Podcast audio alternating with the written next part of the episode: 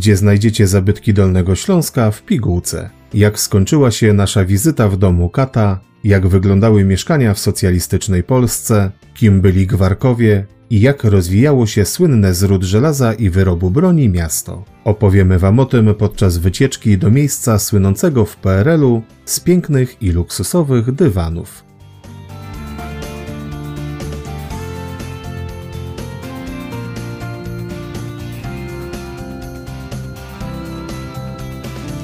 Kowary, Dolny Śląsk w miniaturze i sekrety pracy kata.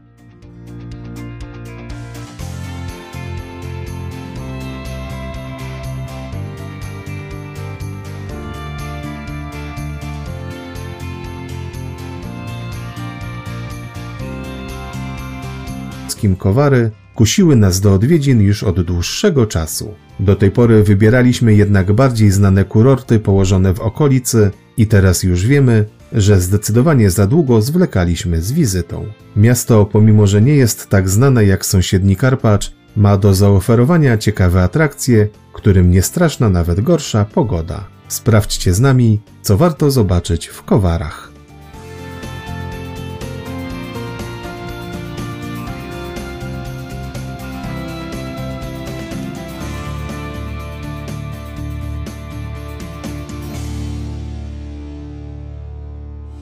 Park Miniatur Zabytków Dolnego Śląska.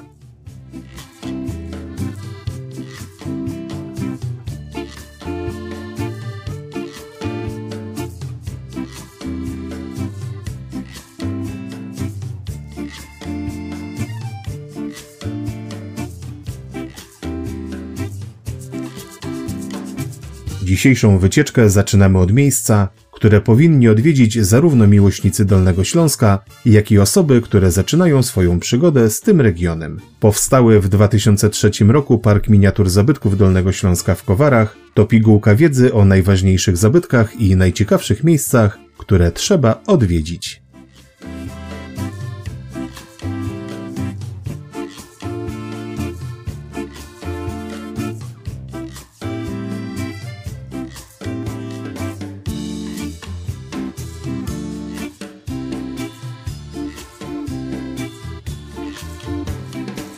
Park mieści się na terenie dawnej fabryki dywanów w Kowarach. Jego twórca wiele lat podróżował po świecie, oglądając cuda natury, aż pewnego dnia postanowił zrealizować pomysł swojego życia stworzyć park miniatur. W ciągu paru lat powstało 45 makiet dolnośląskich zabytków i ciągle pojawiają się nowe. Dzisiaj odwiedzają go rocznie tysiące turystów, którzy często właśnie tu zaczynają swoją przygodę z Dolnym Śląskiem. Można śmiało powiedzieć, że jest to swego rodzaju miniaturowy przewodnik po atrakcjach tego regionu. Fajnym pomysłem jest wydany przez park przewodnik, w którym możecie zaznaczyć sobie obiekty, które chcecie zobaczyć w rzeczywistości. Znajdziemy w nim każdą wystawioną w parku miniaturę wraz z jej fotografią i umiejscowieniem w terenie.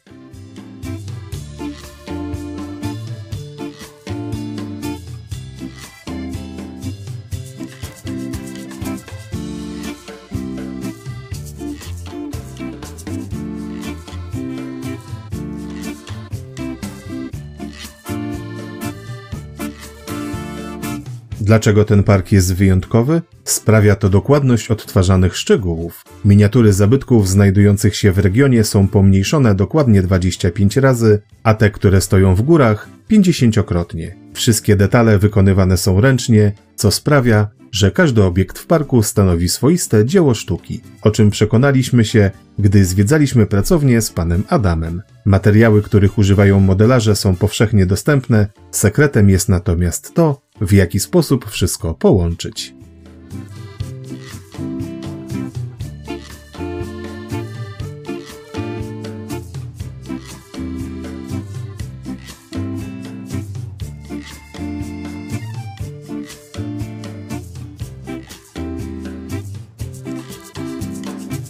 Modele budowane w parku mają dopracowane nawet najmniejsze szczegóły. Widać na nich fakturę, możemy rozpoznać miniaturową cegłę czy boniowanie identyczne z oryginałem. A baczny obserwator dostrzeże wiele innych detali. Miniatury pozwalają też na dokładniejsze poznanie i zobaczenie z bliska tego, co często trudno dostrzec na oryginałach. My z rozbawieniem szukaliśmy szkieletu na zamku w Mosznie i jego brak to jedyny drobiazg, który odróżnia miniaturę od oryginału. Powstające tu modele są tak dokładne, że instruktorzy przewodnictwa sudeckiego niejednokrotnie sprawdzali wiedzę historyczną i architektoniczną kandydatów na przewodników na ich podstawie.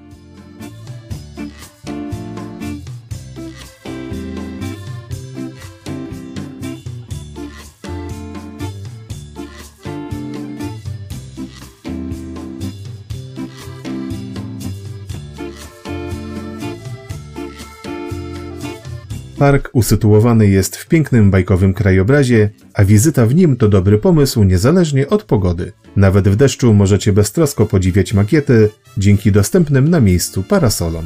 Zwiedzanie umilą Wam przewodnicy, którzy w fascynujący sposób opowiedzą historię zabytków, ubarwioną również legendami. Potem już samodzielnie możecie korzystać ze wszystkich atrakcji. W najładniejszych kącikach stoją ławeczki, na których można odpocząć, a spragnieni na pewno docenią pyszną kawę w parkowej kawiarni.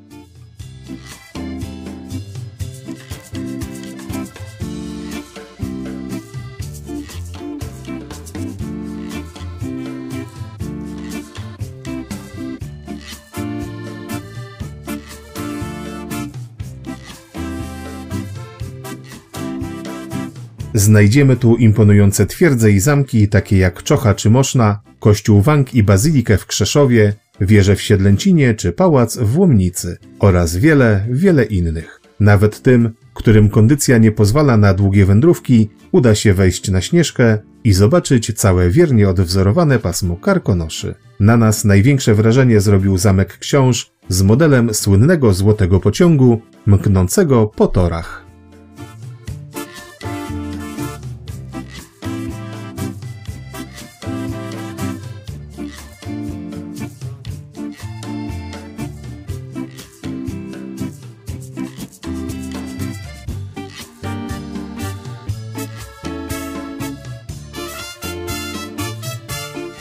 Jeśli ktoś zastanawia się, czy wybrać się na Dolny Śląsk, niech zacznie od zwiedzenia parku miniatur w Kowarach. Na pewno zdecyduje się na przyjazd. To także wspaniałe miejsce dla szukających inspiracji do kolejnych podróży. Przygoda czeka, bo Dolny Śląsk to skarbnica zabytków i tajemnic.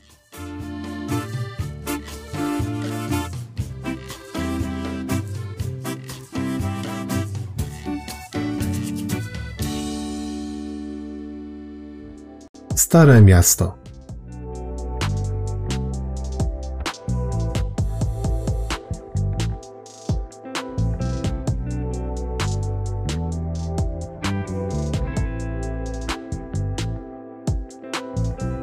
Historia Kowar sięga połowy XII wieku, kiedy to waloński gwarek Wawrzyniec Angelus odkrył rudę żelaza. Na polecenie księcia Bolesława Kędzierzawego założono osadę górniczą i rozpoczęto wydobycie surowca. Wkrótce powstały także kuźnie, w których wytwarzano wyroby metalowe. Kowary zasłynęły przede wszystkim ze wspaniałych noży i sierpów. Docenił to król Czech i Węgier Władysław Jagiellończyk, nadając w 1513 roku kowarom prawa miejskie, a w 1528 roku prawa wolnego miasta górniczego. Dzięki górnictwu, hutnictwu i kowalstwu kowary stały się osadą w miarę bogatą i skutecznie konkurowały z pobliską Jelenią Górą. Zamieszkiwali je przede wszystkim posiadający wiele przywilejów gwarkowie, dlatego warto co nieco o nich powiedzieć.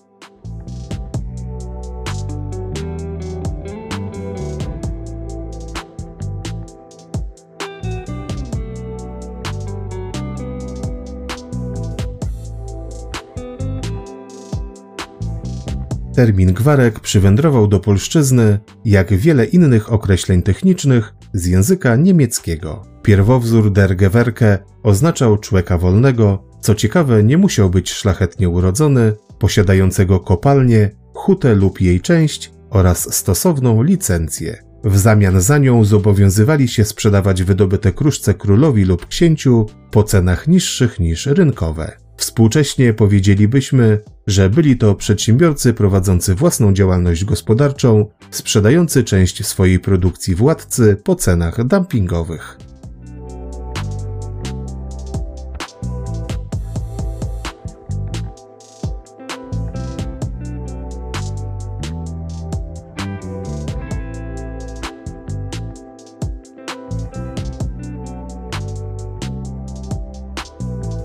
Wraz z rozwojem techniki militarnej, Kowary w XVI stuleciu stały się ważnym ośrodkiem produkcji broni palnej i kul armatnich, a miejscowi rusznikarze cieszyli się znakomitą opinią. Ich produkty można było nabyć na całym Śląsku i w krajach ościennych. Jednym z głównych klientów był król Polski Zygmunt August. Kowary rozwijały się znakomicie do wybuchu wojny trzydziestoletniej, kiedy to zniszczono miasto i zalano kopalnie. Czas górniczej świetności skończył się bezpowrotnie.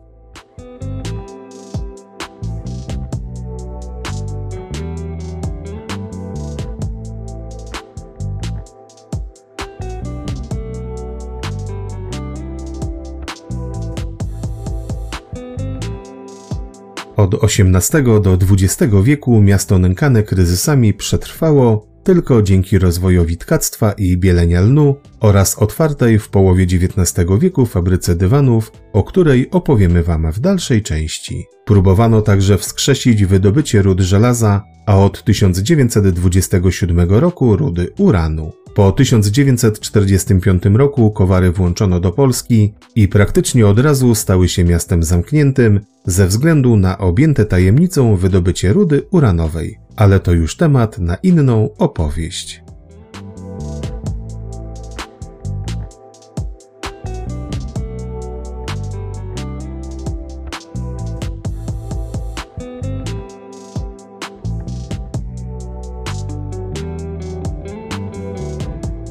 Zaniedbane po II wojnie światowej Stare Miasto w Kowarach powoli zmienia się w atrakcję turystyczną. Odnowione zabytkowe kamienice nabierają kolorów, a kwiatowe dekoracje budują klimat deptaku na najciekawszej ulicy 1 Maja. Najpiękniejszym budynkiem jest ratusz, wzniesiony według projektu znanego niemieckiego architekta Christiana Schulza w latach 1786-1789.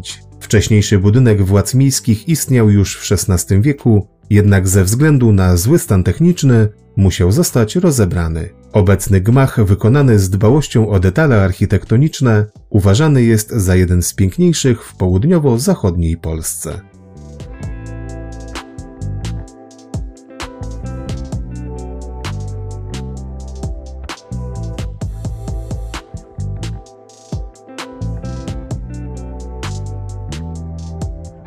Miłośnicy zaułków z niesamowitym klimatem na pewno docenią spacer nad rzeczną promenadą. Potok Kowarska Jedlica przez wieki sprawiał mieszkańcom sporo kłopotu, szczególnie po obfitych opadach, jego wartki nurt niósł przejmujące grozą odgłosy. Na szczęście udało się go ujarzmić budując mury oporowe, a dziś za sprawą licznych kładek i mostków stał się magicznym miejscem.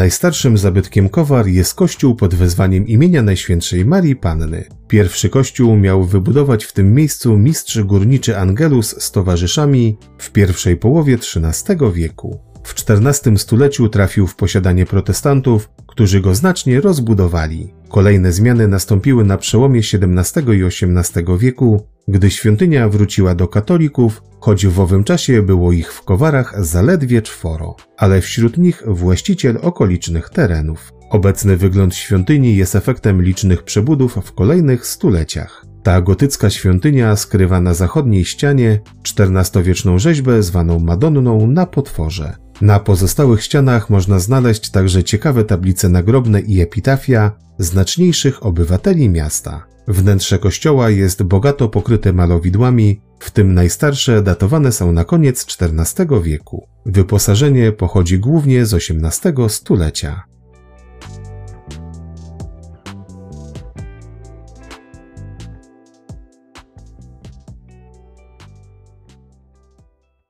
Dom Kata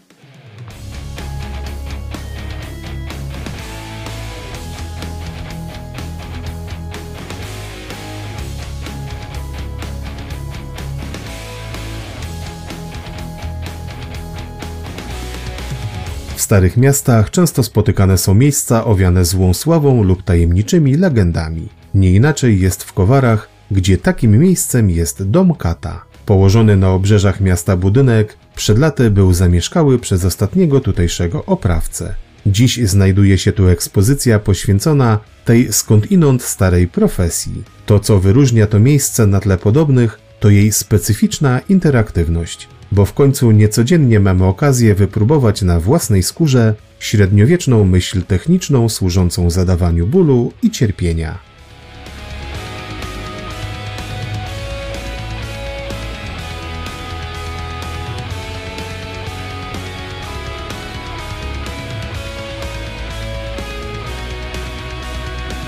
Przy okazji wizyty warto przybliżyć sobie ten fascynujący, choć niedoceniany fach.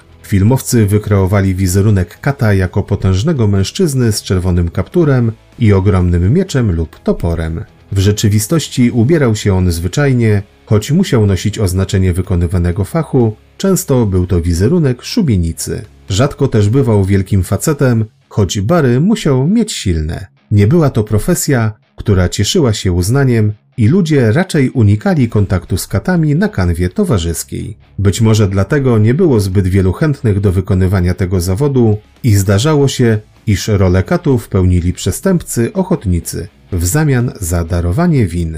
Do sprofesjonalizowania zawodu przyczyniła się sukcesja, gdy syn dziedziczył zawód po ojcu, kształcąc się przy nim od najmłodszych lat.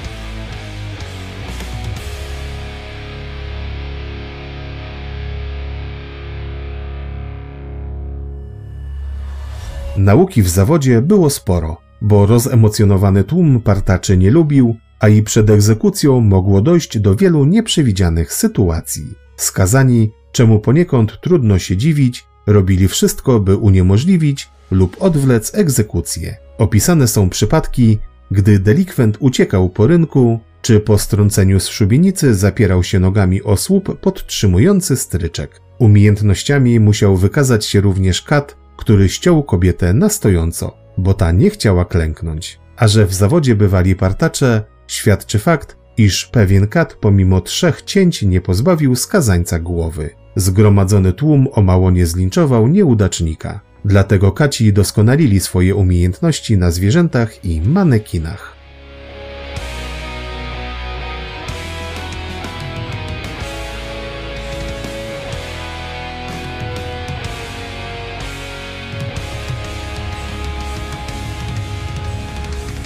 Praca kata nie ograniczała się jedynie do wykonywania publicznych wyroków. Gro pracy czynił w zaciszu lochu. W czasach średniowiecznych przyznanie do winy, choć nie było konieczne, stanowiło królową dowodów i było wskazane. Oto, żeby niewielu oskarżonym dane było przetrwać przesłuchanie w izbie tortur bez wyznania win, dbał kat i jego pomocnicy. Część z narzędzi ułatwiających im pracę możecie zobaczyć na wystawach w domu kata.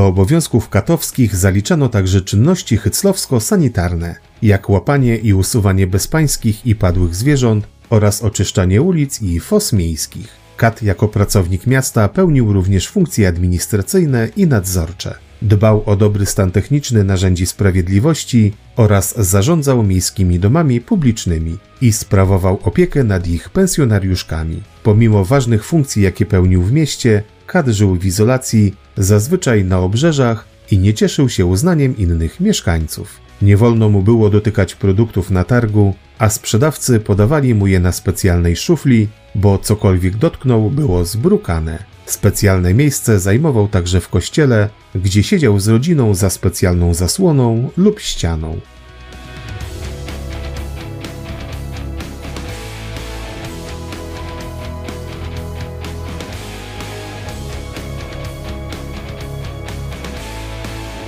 Z drugiej strony zawód miał też swoje plusy. Kad był z reguły dobrze sytuowany, oprócz stałego wynagrodzenia dostawał ekstra zapłaty za egzekucję. Przysługiwało mu także bezpłatne mieszkanie oraz prawo do rozporządzania odzieniem skazańca. Niemałe dochody przynosiło też zarządzanie domami publicznymi, a ci bardziej obrotni potrafili mieć ich pod opieką kilka. Wielu katów ze względu na znajomość anatomii zajmowało się również leczeniem ludzi i zwierząt, byli ponoć najlepszymi fachowcami od wyrywania zębów i nastawiania złamanych kości.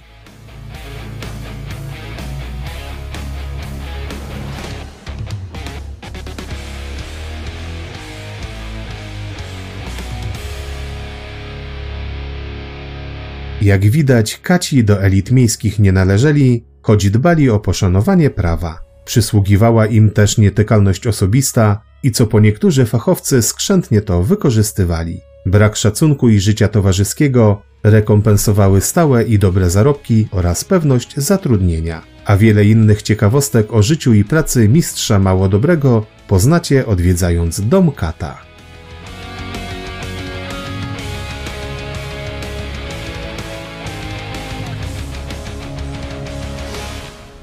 Muzeum Sentymentów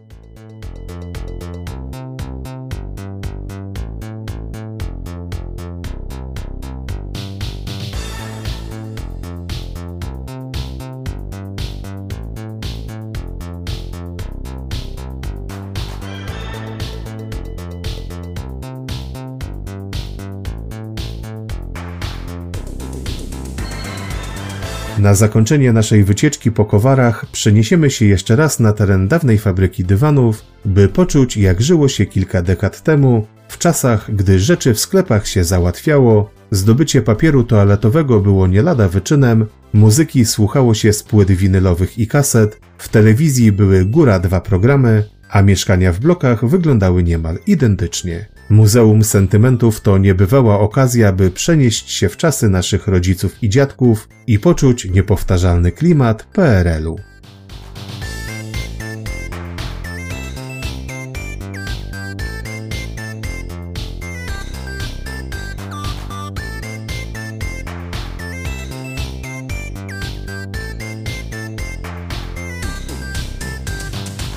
Położenie muzeum w dawnej fabryce dywanów zobowiązuje poniekąd do przypomnienia historii tego jednego z najbardziej znanych zakładów, słynącego na świecie z luksusowych wyrobów. To wykonany właśnie w Kowarach dywan z wełny zdobił od 1969 roku salę kolumnową Pałacu Prezydenckiego w Warszawie. A historia zakładów zaczęła się w połowie XIX wieku, gdy grupa miejscowych tkaczy przeszła szkolenie w tureckim Izmirze i rozpoczęła wytwarzanie dywanów na drewnianych krosnach. Ciągłe doskonalenie umiejętności i parku maszynowego zwiększały jakość wyrobów i w latach 30. XX wieku firma eksportowała swoje produkty na cały świat. Po II wojnie światowej państwo przejęło zakład z całym inwentarzem i kontynuowało produkcję. Eksport do ZSRR i drugiego obszaru płatniczego wymuszał na fabryce poszukiwanie nowych trendów artystycznych i technologicznych, co jeszcze bardziej budowało jej pozycję.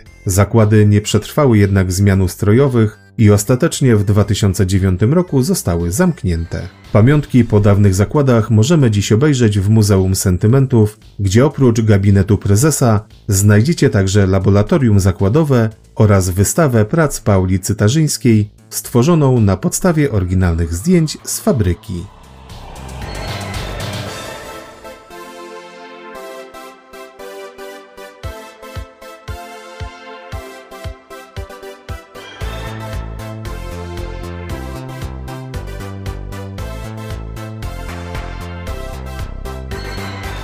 Ale muzeum to przede wszystkim wspomnienia z nie tak znów odległych czasów. Znajdziecie tu kilkanaście pokoi tematycznych, które niektórym przypomną, a niektórym pokażą, jak żyło się w PRL-u. Możecie tu zajrzeć do przeciętnego mieszkania polskiej rodziny, gdzie z dumą eksponowano luksusowe dobra przywożone z bratnich krajów. Brylowało w tym NRD, znane z kawy, słodyczy czy robotów kuchennych. Modne było także kolekcjonerstwo, a dzieci zbierały opakowania i komiksy z gum do rzucia, otrzymywanych z zagranicznych paczek, czy w późniejszych czasach kolorowe puszki po napojach i piwach. Ściany oklejone były plakatami gwiazd muzycznych z kolorowych czasopism, a eksponowane miejsce zajmowały także płyty winylowe.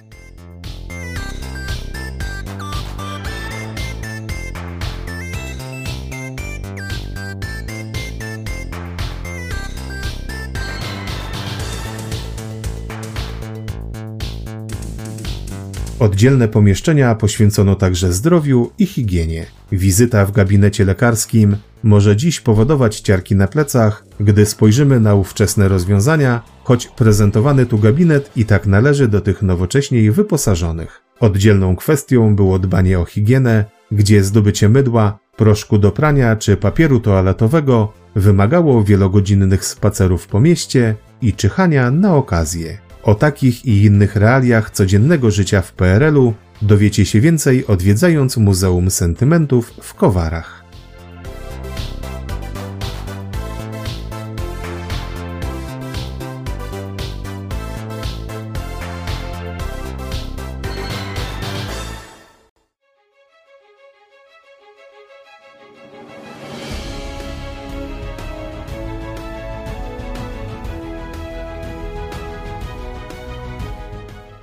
To już koniec naszej dzisiejszej opowieści.